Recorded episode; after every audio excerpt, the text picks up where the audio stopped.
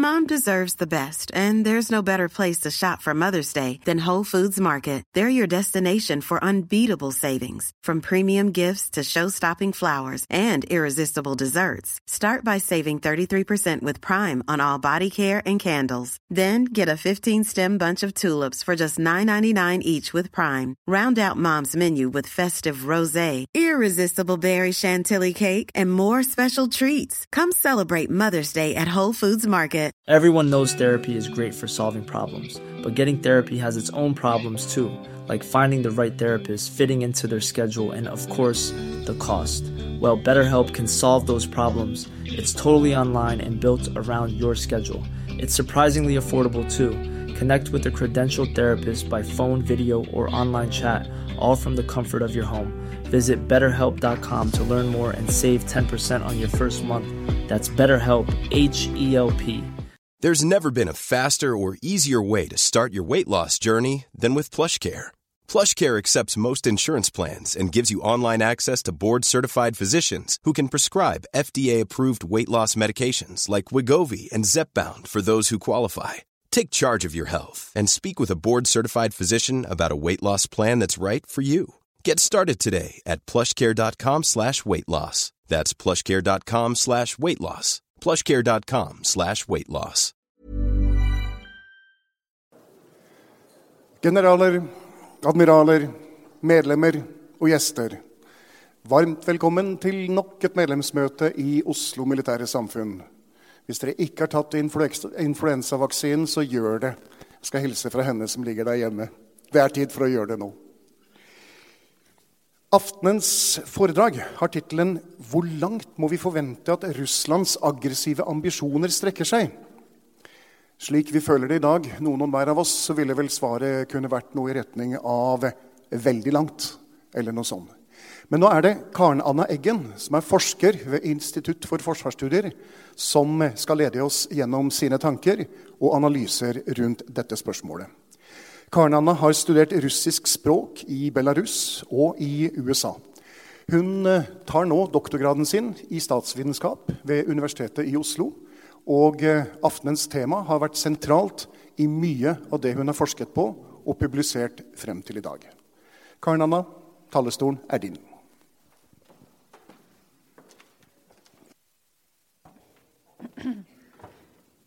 Tusen takk for det, Bjørn. Eh, jeg fikk beskjed om å justere lyden litt. Eh, men det høres ut som det er god, god gjenklang. Ja, men det er bra. Ja, tusen takk for den veldig fine introduksjonen. Eh, og jeg må vel si helt innledningsvis at jeg er enig i det du sa. At jeg tror òg vi må forvente at den kan strekke seg langt. Så det er det korte svaret. Men jeg har da fått 45 minutter til rådighet. Så jeg skal prøve å fylle inn litt hvorfor jeg tror det her. Det har gått mer enn åtte år siden Russland annekterte Krim og intervenerte i Øst-Ukraina. Og det har gått mer enn åtte måneder siden eh, Russland iverksatte sin fullskala angrepskrig mot Ukraina. Ifølge The Correlates of War Project, som har samla inn data på krig fra 1816 og fram til i dag, varer en, en krig i gjennomsnitt i 100 dager og tar omtrent 50 menneskeliv hver dag. I historisk sammenheng har med andre ord krigføringa i Russland eh, og som Russland satte i gang mot Ukraina den 24.2 i år, allerede vara lenger og medført høyere tap av menneskeliv enn gjennomsnittskrigen. Og det uten å inkludere de åtte årene forut for storeskaleringa. Åtte måneder er gått, og det er lite som tegner an til at denne krigen er ferdig i nær framtid.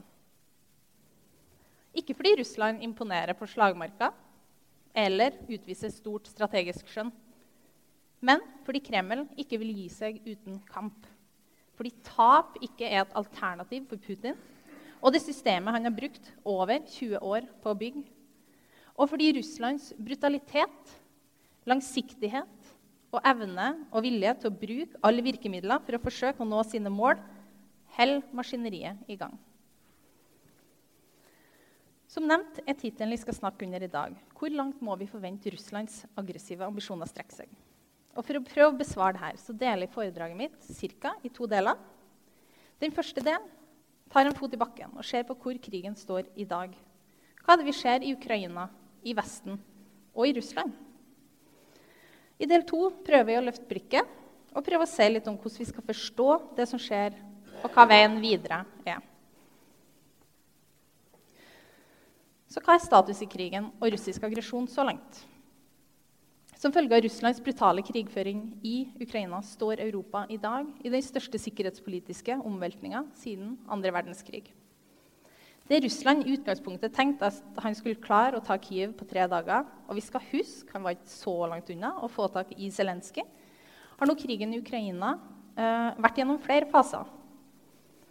Etter en svært dårlig start endra Russlands strategi og flytta fokuset eh, til øst i Ukraina og igangsatt en mer velkjent utmattelseskrig anført av kraftig artilleribeskytning og gradvise innhogg i ukrainsk territorium. Over sommeren og inn i høsten har derimot Ukraina slått kraftig tilbake og drevet, og drevet da frem av en enorm motstandsdyktighet, kampvilje og vestlig våpenstøtte og trening. Russland har lidd enorme tap, både i form av materiell og mennesker. Ukraina har i dag initiativet på slagmarka, og mange peker på at Ukraina ser ut til å kunne vinne denne krigen. Samtidig er krigens dynamikk svært vanskelig å spå. Jeg har hele tida både tenkt og sagt høyt at Russland ikke vil bry, bry seg nevneverdig om store tap, sanksjoner og fordømmelse. I hvert fall ikke på kort sikt, og ikke så lenge eh, det betyr at de vil nå sine mål. Russland mener at den som stormakt har rett på interessesfærer. Det gjelder særlig land som tidligere var underlagt Sovjetunionen, og inkluderer Ukraina, hvor Putin i økende grad har argumentert for at landet er historisk russisk territorium. Russland ønsker Nato vekk fra sine grenser, og helst USA ut av Europa. Dette har lenge blitt sagt høyt, men krystalliserte seg da Moskva i desember i 2021 presenterte et utkast for en ny sikkerhetspolitisk ordning med tydelige begrensninger på hva Nato og mindre land kan tillate seg av sikkerhetstiltak og sikkerhetsfellesskap. Jeg mener det er i stor grad om at Russland ønsker å sikre seg at de kan gjøre som de vil med naboene sine. Det er drevet fram av en, fram av en tydelig imperialistisk motivasjon på russisk side, som Nato-medlemskap til tidligere sovjetstater bl.a. setter en effektiv stopper for. At Russland ikke imøtekommes, brukes som påskudd for økt aggresjon og økt press. Men målsettingene består. Det samme ser vi i møte med svært dårlige resultater på slagmarka. I stedet for å trekke ut styrker og gå til forhandlingsbordet velger Putin heller å binde seg ytterligere til masten. Gjennom mobilisering og forsøk på å befeste posisjoner langsmed fronten, gjennom ulovlig annektering av ytterligere fire ukrainske regioner og gjennom erklæring av militær unntakstilstand, som inkluderer høyna beredskap i hele Russland. Den russiske befolkninga, tross stor politisk risiko, det er ganske viktig å få med her, forberedes nå på krig, og det russiske propagandaapparatet jobber på spreng for å berede grunn. Og Poenget med å si en del av det her er at Eh, og som vi skal komme tilbake til uh, nå underveis, er at 24.2., til tross for den sjokkbølgen det skapte, ikke egentlig representerer noe nytt ved Russland. Putin har hele tida testa grenser og skrudd opp aggresjon. Det at det går skikkelig dårlig med Russland, det åpner bare opp for at andre og nye virkemidler kan testes ut, testes ut og tas i bruk. Og økt brutalitet, ikke minst. Særlig mot Ukraina, men òg mot Vesten og på hjemmebane. Russland har gradvis skrudd opp presset mot Ukraina siden 2014. Når ikke-militære virkemidler eller fordekt militær aktivitet over tid ikke har fungert, så svarer Putin med å øke aggresjon i form av storskala krigføring. Når krigføringen i Ukraina ikke går som planlagt, er svaret òg økt brutalitet. Nå i form av terrorbombinger av sivile mål og forsøk på å slå ut mest mulig av ukrainsk infrastruktur før vinterkulda kommer. At myndighetene i Kiev planlegger for evakuering av hele byen, som svar på at byen kan bli strømløs som følge da, av målretta eh, russisk bombing, det sier sitt. Samtidig virker det jo ikke som økte brutaliteten demper ukrainsk motstandsvilje. Snarere tvert imot. Men det har enorme økonomiske konsekvenser for landet og vil gjøre livet uutholdelig for mange. Bombinga og forsøk på å bl.a. kontrollere ukrainsk korneksport gir store tap for en ukrainsk økonomi som allerede lider enormt, og det skaper store prissvingninger i matvaremarkedet. Russland bruker jo så klart de her økonomiske ringvirkningene og uroen for alt det er verdt i sine påvirknings- og desinformasjonskampanjer mot oss, men også særlig mot det globale sør. Russisk terrorbombing bereder jo òg grunn for flere store eh, flyktningstrømmer fra Ukraina. Et virkemiddel vi vet Russland har brukt som pressmiddel mot Europa før. Og Dette kan gjøres i kombinasjon med Putins gode allierte, president Lukasjenko i Belarus, som f.eks. kan skape en ny migrantkrise på grensa til Polen, som vi òg har sett før. Belarus er jo et interessant uh, land i den forstand at det uh, bistår Russland med territorium for russisk missilavdelinger, uh, flyavdelinger, og overfører jo materiell til Russland som følge av store tap. Og selv om dette er aktivitet som binder opp del, en del av ukrainske eh, avdelinger, så er det stor skeptisk knytta til hvorvidt eh, et angrep mot Ukraina fra nord, et nytt angrep mot Ukraina på nord, er mulig. Men det betyr ikke at Belarus ikke kan brukes som fremskutt område for russisk press mot Ukraina og mot Vesten. Russland har allerede flytta fly med hypersoniske missiler nærmere EUs yttergrense og da kan jo plassere, eh, altså, eh, ved å plassere de her da, i Belarus. Og de kan òg plassere mellomdistansemissiler i Brest, som òg ligger i Hviterussland, eh, Belarus. Så i Det var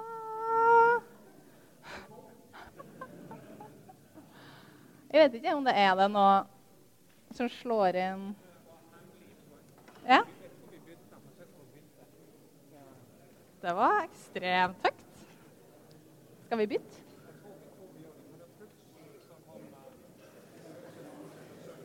Det har dere ikke sett før. Kresten smeller fra talerstolen som følge av vibrasjoner i lufta. Vi bytter mic, får se om det går bedre da. Hvis ikke får Karen Anna låne den her, som jeg bruker nå. Den virker i hvert fall.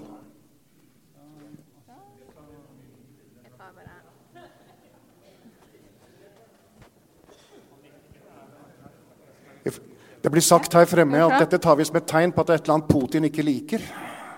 Så han har grepet inn elektronisk. Jeg tenkte jeg, tenkte jeg skulle motstå og dra den vitsen, men sånn. Litt nærmere. Uh, ja, skal vi se, da. Jeg har jo litt mindre hode enn uh, Sånn. OK. Det kan hende bare jeg som prater veldig høyt òg, da. Jeg har fått hørt at jeg har Høy stemme. Um, ja, nei, men vi, vi, prøver videre. Hvis ikke den her ramler av, da. Skal vi se. Uh, OK. Men det passa egentlig greit, for jeg var på en måte ferdig med Ukraina. Um, og skulle egentlig oppsummere bare med at Putin jo har gradvis økt sin brutalitet og eskalering i uh, denne krigen. Uh, og han har fremdeles Mange snakker om at Putin nå har utspilt sine siste kort osv. Men jeg mener at han fremdeles har en del knapper han kan trykke på. Utafor Ukrainas grenser og i Europa så merker vi jo krigens spor, dog i mer fordekt form. Europa har gått fra en lang periode med fred til konflikt med Russland. I fredstid har Russland brukt store ressurser på påvirkningsoperasjoner, kartlegging og etterretningsinnhenting. Og dette nyter de godt av når det nå skru, presset mot uh, Ukrainas vestlige støttespillere skal skrus opp, særlig og gjerne gjennom å skape frykt og usikkerhet. Fordi hva har sabotasjen av Nord Stream-rørledningene i Østersjøen, kutta internettkabler i Frankrike, skada undersjøiske kabler til Shetland og Færøyene, til felles med droner ved militær og kritisk infrastruktur, bl.a. i Norge, Sverige og Finland, missilavfyring like ved britisk militærfly i Svartehavet, store tjenestenektangrep i Norge, Sverige, Finland, Estland, Litauen eh, osv. Og, og kabelsabotasje på jernbanenettverket i Tyskland. Hva har det til felles? Alle disse hendelsene peker i ulik grad mot Russland, men de er svært vanskelig å bevise. Enten at Russland er direkte involvert, eller mer indirekte, ved den forstand at Russland benekter at aktiviteten er ondsinna. Og det kontraintuitive er at disse hendelsene trolig er russiske forsøk på å hindre eskalering utenfor Ukraina, hvor Russland absolutt eskalerer. Vil si at de utfører aktivitet i gråsonen med det mål for øye å skremme Ukrainas vestlige partnere fra å involvere seg ytterligere i krigen. Til tross for at Russland roper høyere nå om at de egentlig kjemper en krig mot Nato, mot USA i Ukraina, så tyder det fremdeles det meste på at de ikke ønsker at Nato skal bli en delaktig part i krigen. En måte Russland gjør det på, er ved å tydelig markere at den vet hvor viktig infrastruktur ligger, og at den evner å ødelegge den. Sånn her aktivitet egner seg godt for eskaleringskontroll, siden det har stor kommunikasjonsverdi, samtidig som at det er krevende å slå fast hvem avsender er. Det blir òg mer effektivt hvis motstanderen ikke ønsker eskalering. Og sånn her aktivitet skaper usikkerhet og uro i Vesten. Og europeiske lands frykt og usikkerhet knytta til hendelser og ting som skjer hos seg sjøl, kan jo også bistå Russland, Russland, i den forstand at det fjerner vår oppmerksomhet fra brutaliteten og grusomhetene i Ukraina. Kall det gjerne hybrid krigføring eller sammensatte trusler. i kaller jeg den fasen og tilnærmingene vi opplever, eh, på samme måte som Russland kaller det, for eh, informasjonskonfrontasjon. I dette konseptet ligger det ligger det at alle statens virkemidler kan tas i bruk. Og Formålet er å skape en psykologisk effekt og helst påvirke befolkning og beslutningstakere. Gråsoneaktivitet kan kombineres i et spenn mellom åpen og skjult aktivitet. Fra åpen skrekking med atomvåpen til militærøvelser og militær signalering. Bruk av diplomatiet og andre kanaler som sprer russiske narrativ og desinformasjon. Etterretningsvirksomhet operasjoner i cyberdomenet og eller bruk som vi også har sett, av droner for å kartlegge, men i dette tilfellet mest sannsynlig for å skremme. Dette er relativt effektive og billige virkemidler som får økt betydning idet Russland svekkes økonomisk, politisk og ikke minst militært.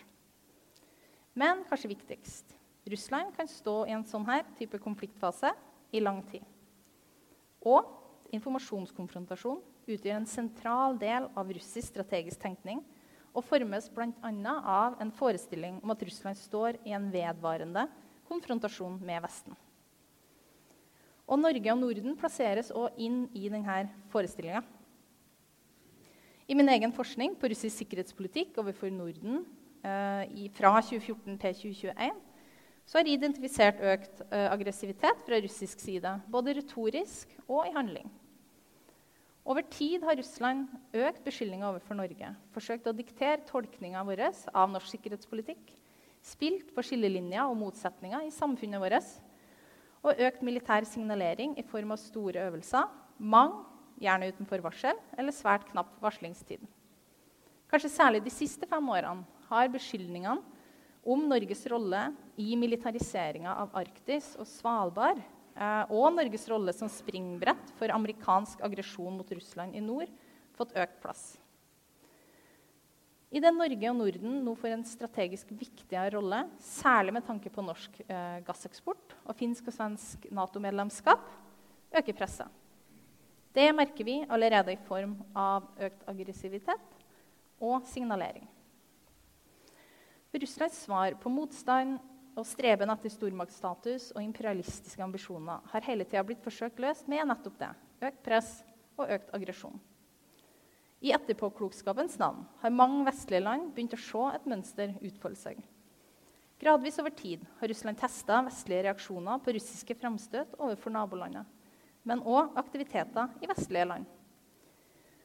Gradvis har Russland sikra seg europeisk avhengighet av særlig russisk gass, som de nå bruker aktivt som et pressmiddel, tross mange advarsler mot å ikke eh, binde seg til masta på den måten. Og gradvis har Putin økt sin aggresjon og blitt mer kreativ i sin virkemiddelbruk. Og gradvis har særlig Vest-Europa forsøkt å normalisere russisk aktivitet og atferd. Det er med andre ord ikke å forvente at Russlands aggressive ambisjoner har nådd en topp, heller ikke innad i Russland. For De siste 22 årene har Russland gått i en stadig mer autoritær retning. Om ikke de drakoniske lovene og innskjerpingene før 2022 var nok, markerte 24.2 et markant steg i min mening, i totalitær retning. All uavhengig og semi-uavhengig journalistikk er fjerna. Sivilsamfunnet er utradert. Den ikke-systemiske opposisjonen er fjerna, har flykta eller er fengsla. Folk får bøter og fengselsstraff for å stå ute i gatene med blanke A4-ark, eller at de står og heller opp Tolstojs fred og, 'Krig og fred' i gata. Eh, demonstrasjoner er forbudt, og en risikerer opptil 15 års fengsel for å kritisere krigen. Skolebarn oppfordres til å melde inn lærere som er kritiske til krigføringen, som en gjengklang fra stalinistiske tider. Etter å ha forsøkt å skjerme befolkninga fra russisk krigføring i Ukraina, forberedes nå den russiske befolkninga på krig. Skrytes, nå skrytes det åpent om bombing av sivile mål i Ukraina på russisk TV. Russland er villig til å kaste mer ressurser, penger, våpen og mennesker inn i krigføringa. Aktører som Prigozjin og Kadyrov, personer som får Putin til å se moderat ut, får større innflytelse og bereder grunn for ytterligere brutalitet i Ukraina. Slakteren fra Syria, general Sergej Surovikin, som nå har overtatt ansvaret for krigen, er kjent for sin brutalitet og for bruken av brutalitet som en militærstrategi. Dette merkes i Ukraina. Og målet er å utarme landet og slite ut ukrainsk støtte. Og vi må ta inn over oss langsiktigheten i russisk tenkning. Mom deserves the best, and there's no better place to shop for Mother's Day than Whole Foods Market. They're your destination for unbeatable savings, from premium gifts to show-stopping flowers and irresistible desserts. Start by saving 33% with Prime on all body care and candles. Then get a 15-stem bunch of tulips for just $9.99 each with Prime. Round out Mom's menu with festive rosé, irresistible berry chantilly cake, and more special treats. Come celebrate Mother's Day at Whole Foods Market. Everyone knows therapy is great for solving problems, but getting therapy has its own problems too, like finding the right therapist, fitting into their schedule, and of course, the cost. Well, BetterHelp can solve those problems. It's totally online and built around your schedule. It's surprisingly affordable too. Connect with a credentialed therapist by phone, video, or online chat, all from the comfort of your home. Visit betterhelp.com to learn more and save 10% on your first month. That's BetterHelp H E L P. De har det ikke nødvendigvis travelt, og tenker i hvert fall at de skal klare å holde ut lenger enn det vi gjør. Deeskalering er ikke et alternativ. Den krigen skal vinnes, koste hva det koste vil. Så kan en selvsagt diskutere eh, om det er realistisk eller ikke. Um, I hvert fall på kort sikt. Uh, men, uh, men det er få ja, eller En kan diskutere om det er realistisk eller ikke, men poenget er at det er få, om noen, personer i dagens Russland som kan endre på denne måten å tenke på. Og i hvert fall da, på kort sikt, som var poenget mitt. Og den erkjennelsen tar meg over i, eller oss da, over i del to av foredraget, eh, hvor jeg ønsker å se litt på hvorfor det er sånn, og tenke noen eh, tanker om veien videre. Eh, for elitene i Russland er enn så lenge mer avhengig av Putin enn omvendt. I tillegg er Russland et land som aldri har tatt et oppgjør med sin brutale fortid. Med unntak av de mange hundretusenene eh, som jo har flykta fra Russland bare de siste fem årene, og noen som jo fremdeles er i Russland, kanskje særlig i storbyene, kjøper mange russere ideen om at Russ Russlands inngripen i Ukraina var nødvendig, og at Nato både truer og ønsker å holde Russland nede og svakt. De fleste russerne støtter forestillinga om at grepene som tas på hjemmebane og utafor landets grenser, er nødvendig for å sikre Russlands sikkerhet og stormaktsstatus. De fleste har det uansett bedre og romsligere nå, til og med nå, enn både under Sovjetunionen og urolighetene på 90-tallet. I det russiske militæret dyrkes fremdeles en brutalitetskultur og tanken om russisk overmakt. Det er i hvert fall en konklusjon i trekket etter å ha sett på hvordan russiske soldater ter seg i Ukraina, hvor folkemord, voldtekt og plyndring virker å være dagligdagse gjøremål. Enkeltindividet i Russland har liten verdi for styremaktene. Og de som eventuelt skjermes fra de største ringvirkningene av krigen, gjør så fordi til og med i det totalitære Russland så vet en at det går en rød linje en plass. Selv om den røde linja virker å ligge langt vekk i det fjerne. Og Dette kan selvsagt endre seg eh, med nye generasjoner eller når de økonomiske konsekvensene av Russlands krigføring for alvor slår inn. Problemet er at de nye generasjonene de vokser opp i et land hvor motstand blir slått brutalt ned, og med sterk kontroll over informasjonsflyten. Og den nye generasjonen kjenner jo faktisk ikke til noe annet enn Putin. Så det, jeg tenker at det skal mye til før vi får omveltninger i form av folkelige protester og elitekupp. Men historien viser at dårlige ledere i Russland kan kastes. Og det er Putin smertelig klar over. At Russland nå gjør det så dårlig på slagmarka, og gitt de svært dystre økonomiske utsiktene, er det fristende å nedjustere Russland som trussel på sikt. Men et poeng, eller noe jeg ønsker å trekke fram da, er at vi vet jo ikke med sikkerhet hvordan um, den dårlige økonomien vil slå ut. At et så stort land kobler seg fra det globale markedet og isolerer seg sjøl, vil jo så klart få store konsekvenser. Men det trenger ikke å bety økonomisk kollaps. Uh, og vi vet heller ikke i hvilken grad uh, aktører som Kina eksempel, vil kunne komme Russland i møte på sikt. Det vi vet, er at Russland, akkurat som før, vil aktivt forsøke å finne måter å omgå sanksjoner på. Og det jobbes med å berede grunn på hjemmebane for tøffere tider overfor egen, egen befolkning. Og Et annet usikkerhetsmoment er i hvilken grad Russland vil klare å opprettholde i hvert fall deler av våpenproduksjonen sin. Det er viktig. De materielle tapene på slagmarkene er enorme. Men flere peker også på at det ikke trenger å være slutten på våpenproduksjon. Eh, tvert imot peker flere på at Russland mest sannsynlig vil klare å opprettholde en stor del av det. I hvert fall en del av det. Samtidig er en annen viktig faktor at de strategiske kapasitetene som gir Russland stormaktstatus, atomvåpen, ubåter og i tillegg det som skal beskytte disse kapasitetene, som integrert, eh, integrert luftvern, elektronisk krigføring, antisatellittvåpen osv., er jo mer eller mindre uberørt av krigen mot Ukraina. Dette er kapasiteter som USA annet, følger nøye med på, og som vil bli kun brukt i en eventuell da, konflikt med eh, Nato. Og der hvor vi var raskt til å avfeie f.eks. russisk bruk av cyberkapasiteter i Ukraina, har vi i ettertid òg sett at Russland har gjennomført omtrent 40 destruktive cyberangrep mot Ukraina i de første tre månedene i storkrigføringa. Et av dette var bl.a. en diger cyberkampanje mot hele Europa som blokkerte Ukrainas tilgang til kommersielle satellitter som stor, eh, som har skapt store problemer for kommunikasjon på bakken. At sånne virkemidler ikke er tatt i bruk i like stor skala som forventa, kan skyldes at styret i Moskva trodde at det skulle bli en kortvarig krig. Men det betyr ikke at de ikke har kapasiteten, og at de ikke tar den i bruk.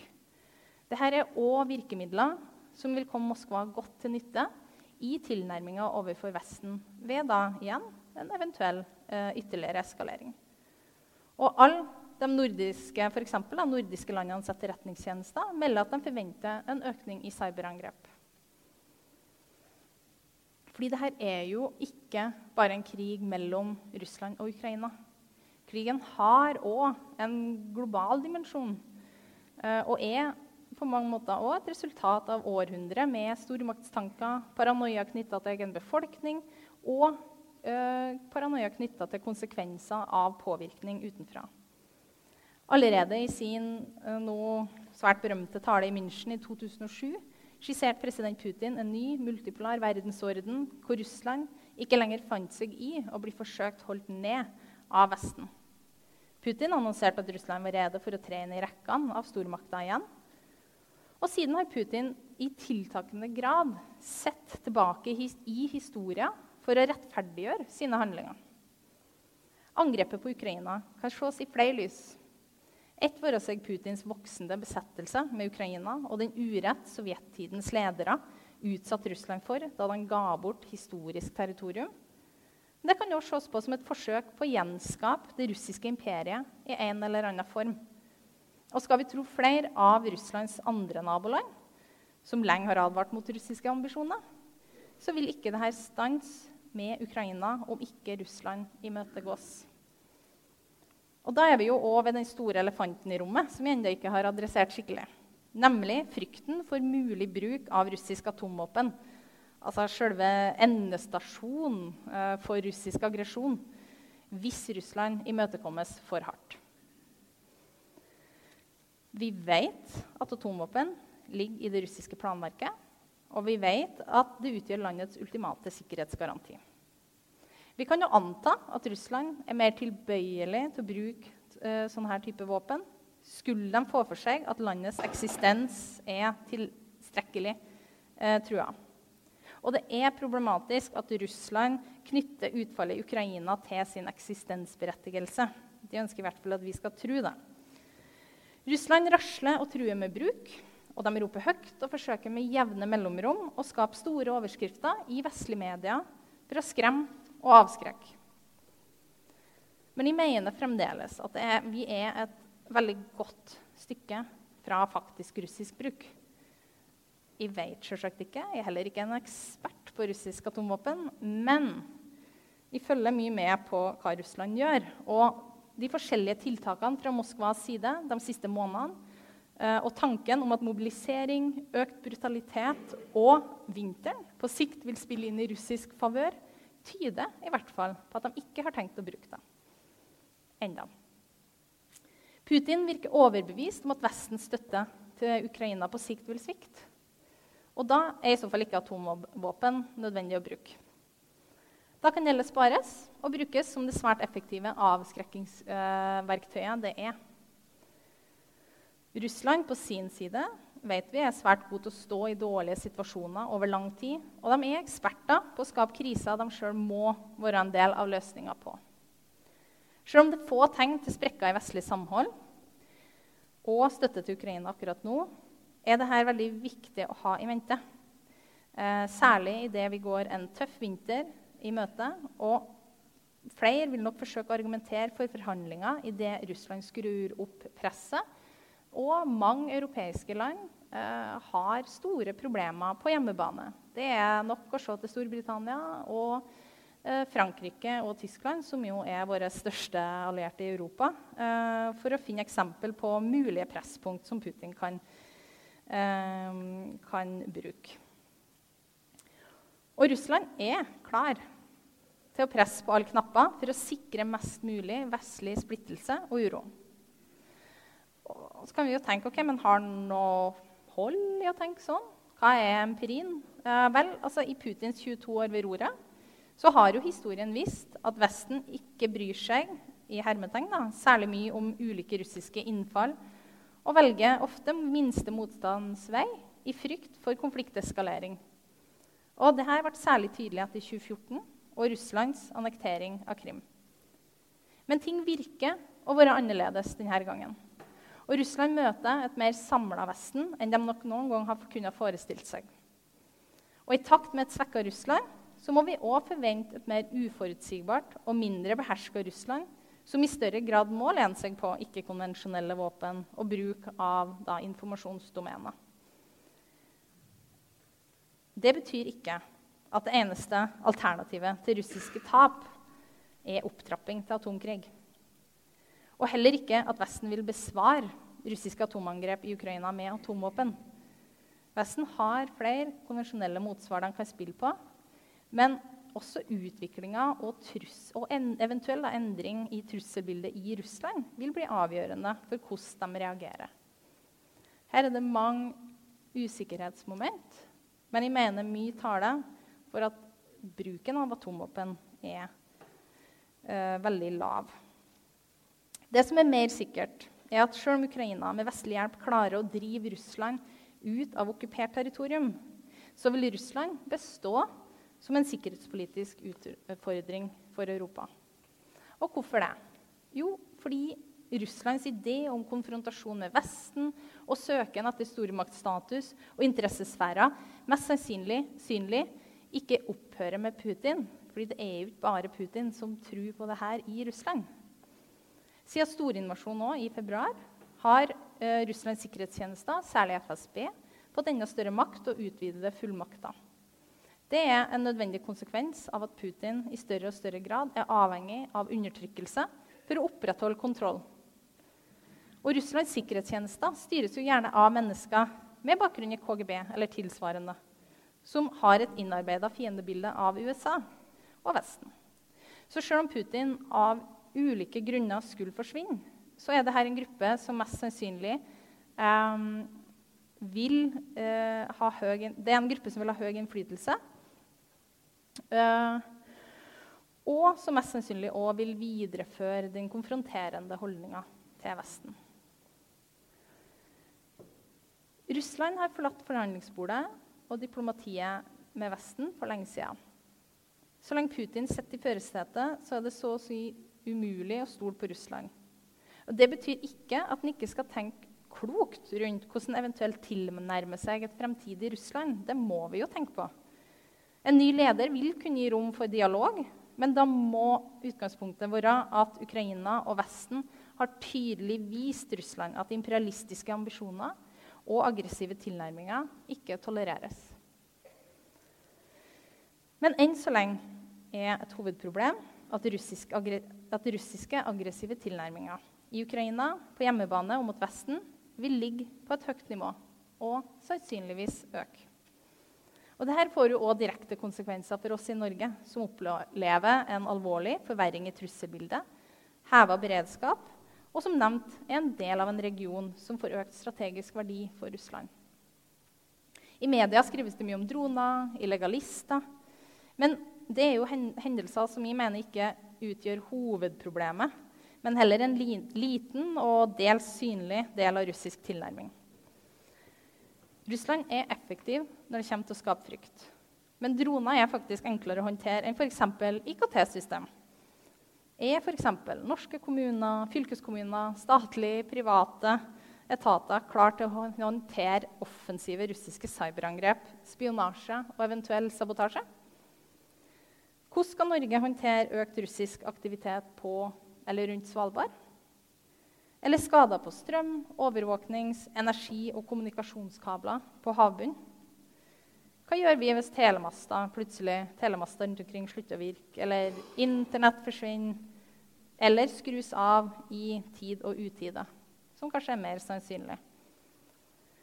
Som forsvarsminister Gram sa det i forrige uke, vi har et planverk for fred, krise og krig. Men har vi etter fasen langvarig konflikt med gråsone, påvirknings- og sabotasjeoperasjoner. Fordi det vi står i nå, er jo ikke en krise. Og det er heller ikke fred, og det er heller ikke krig. Oss da, i Norge, i Europa. Vi står i en konflikt med Russland som har potensial for å vare lenge. Og i den konflikten så sender vi våpen og pengestøtte til Ukraina, et land Russland er i krig med. Og i denne konflikten så integrerer vi oss tettere i det vestlige sikkerhetsfellesskapet et fellesskap Russland ser på seg sjøl som i en vedvarende konfrontasjon med.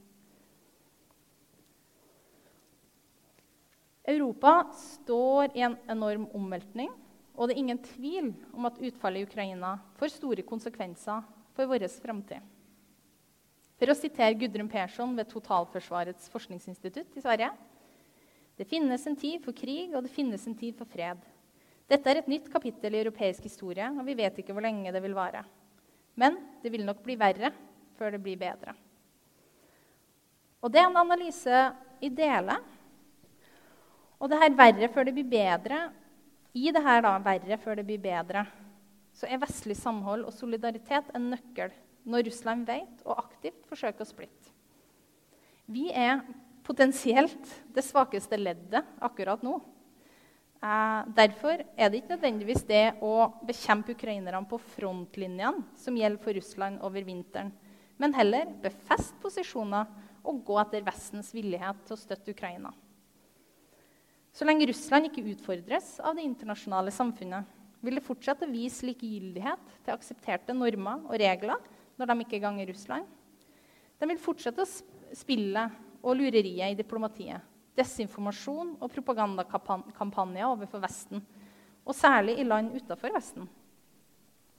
De vil fortsette å begå og unnskylde krigsforbrytelser, terrorhandlinger, og de vil inkorporere kriminelle element i sin strategi. Peter Pomerantsev traff i min mening spikeren på hodet i en twittermelding jeg leste for ikke så lenge siden, hvor han trakk fram et nyttig russisk verb, kashmarit, fra ordet mareritt, Altså å mareritte noen, eller gi dem mareritt. Det gjør Putin nå. Mot folk og mot hele land. Denne krigen har vært lenge i historisk sammenheng.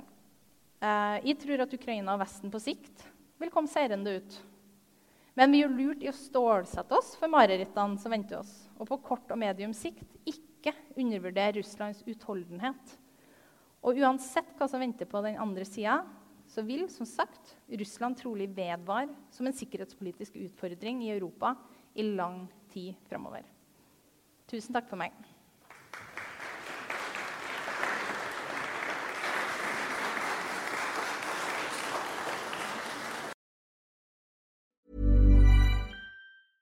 Mom deserves the best, and there's no better place to shop for Mother's Day than Whole Foods Market. They're your destination for unbeatable savings, from premium gifts to show-stopping flowers and irresistible desserts. Start by saving 33% with Prime on all body care and candles. Then get a 15-stem bunch of tulips for just $9.99 each with Prime. Round out Mom's menu with festive rosé, irresistible berry chantilly cake, and more special treats. Come celebrate Mother's Day at Whole Foods Market. Hey, it's Danny Pellegrino from Everything Iconic. Ready to upgrade your style game without blowing your budget? Check out Quince. They've got all the good stuff shirts and polos, activewear, and fine leather goods, all at 50 to 80% less than other high end brands. And the best part? They're all about safe, ethical, and responsible manufacturing. Get that luxury vibe without the luxury price tag. Hit up quince.com slash upgrade for free shipping and 365 day returns on your next order. That's quince.com slash upgrade. Hi, I'm Daniel, founder of Pretty Litter. Cats and cat owners deserve better than any old fashioned litter. That's why I teamed up with scientists and veterinarians to create Pretty Litter. Its innovative crystal formula has superior odor control and weighs up to 80% less than clay litter. Pretty Litter even monitors health by changing colors to help detect early signs of potential illness. It's the world's smartest kitty litter. Go to prettylitter.com and use code ACAST for 20% off your first order and a free cat toy. Terms and conditions apply. See site for details.